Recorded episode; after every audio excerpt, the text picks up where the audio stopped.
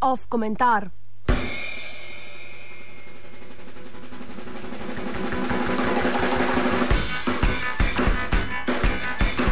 Grims in Weimar.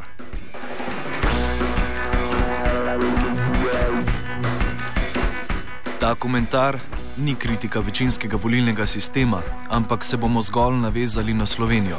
Eden izmed bolj bizarnih in populističnih argumentov, ki smo jih slišali v zadnjem času v Sloveniji, se je zgodil prejšnji teden na okrogli mizi, ki je bila na radio-televiziji Slovenija. Govora je bilo o volilni zakonodaji in poslanec Slovenske demokratske stranke Branko Grims je kot goreči predstavnik večinskega volilnega sistema izjavil, da ukolikor bi leta deloval v Weimarski republiki, nacisti ne bi prišli na oblast. Ker pa je bil tam proporcionalni sistem, jim je to uspelo. Lunatična teza, ki temelji na tem, da gredo v večinskem sistemu vse stranke bolj na sredino. To pomeni, da bi morda tudi nacisti šli bolj na sredino ali kaj, ker naj bi bilo največ voljivcev na sredini. Lepo vas prosimo, če pogledamo duh časa Weimarja, bi nacisti po večinskem sistemu slej kot prej dobili absolutno oblast in ne bi potrebovali ponovitve volitev in pregovarjanj, ki so takrat izčrpavala starega predsednika Pavla Hindenburga. Če tudi bi julija leta 1932 zavladali socialni demokrati, bi slej kot prej na volitvah izgubili.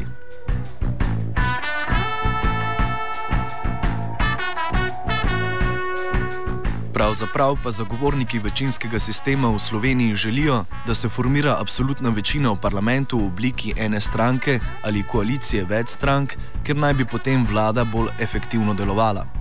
Če imajo recimo 60 glasov ali več, lahko sami spremenijo ustavo na način, da parlament dobi zgolj marionetno nepomembno funkcijo in bo vlada lahko še bolj efektivno delovala.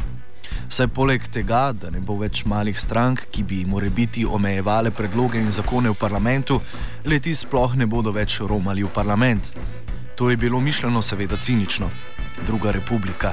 Stranka Fides na mačarskem rada radikalno spreminja zakone in ustavo, pa je zmagala po polproporcionalnem sistemu. A Fides je pač prijateljica slovenske demokratske stranke, zato njene uporabe absolutne oziroma kar dvotretinske večine v zelo problematične namene ne gre pretirano kritizirati iz Grimsovih ust.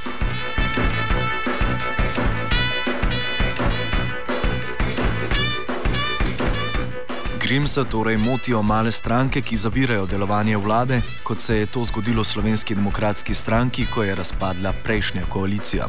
S tem, kako pa ni mogel biti realiziran uspešen gospodarski program Slovenske demokratske stranke, ki bi Slovenijo popeljal iz krize. Tako pa se zaradi proporcionalnega sistema Slovenija ponovno vedno bolj potaplja v krizo. Seveda to Grimsa najbolj moti zato, ker so izgubili vlado. Če bi jo na isti način pridobili, bi seveda še vedno zagovarjal večinski sistem, le situacija ga ne bi več tako zbadala. Čeprav Grims pozablja, da bi bila po večinskem sistemu na parlamentarnih volitvah absolutna zmagovalka pozitivna Slovenija, sicer tudi zagovornica večinskega sistema.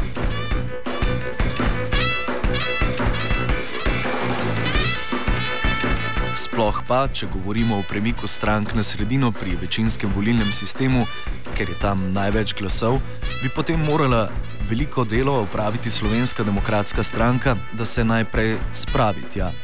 Ta namreč med parlamentarnimi strankami nekako najbolj izstopa na obrobju.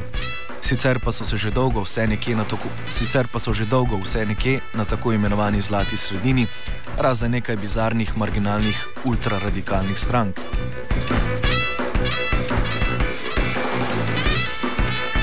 Ne bi sicer radi dejali, da je večinski sistem marsikje realnost in da je nujno slabši ali boljši od proporcionalnega, a Grimsove izjave o Weimarski republiki in proporcionalnem sistemu so res smešne.